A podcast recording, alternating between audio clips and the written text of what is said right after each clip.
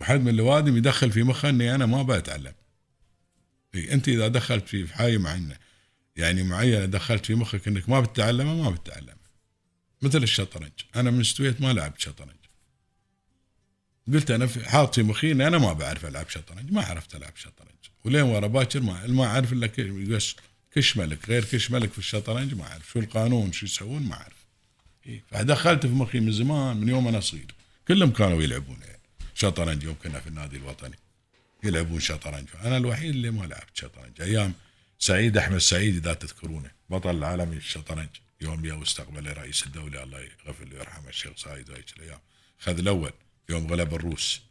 من هايك الأيام قامت الناس تلعب شطرنج وهذا وكذا وهذا على أساس. لعبنا ما عرفت ألعب شطرنج. ودخلت في مخي إني أنا مستحيل أعرفه. لين وبالفعل ما أعرف ألعب شطرنج. تميت العب كرة الله. باسمه تنس مضرب تنس. أحسن لي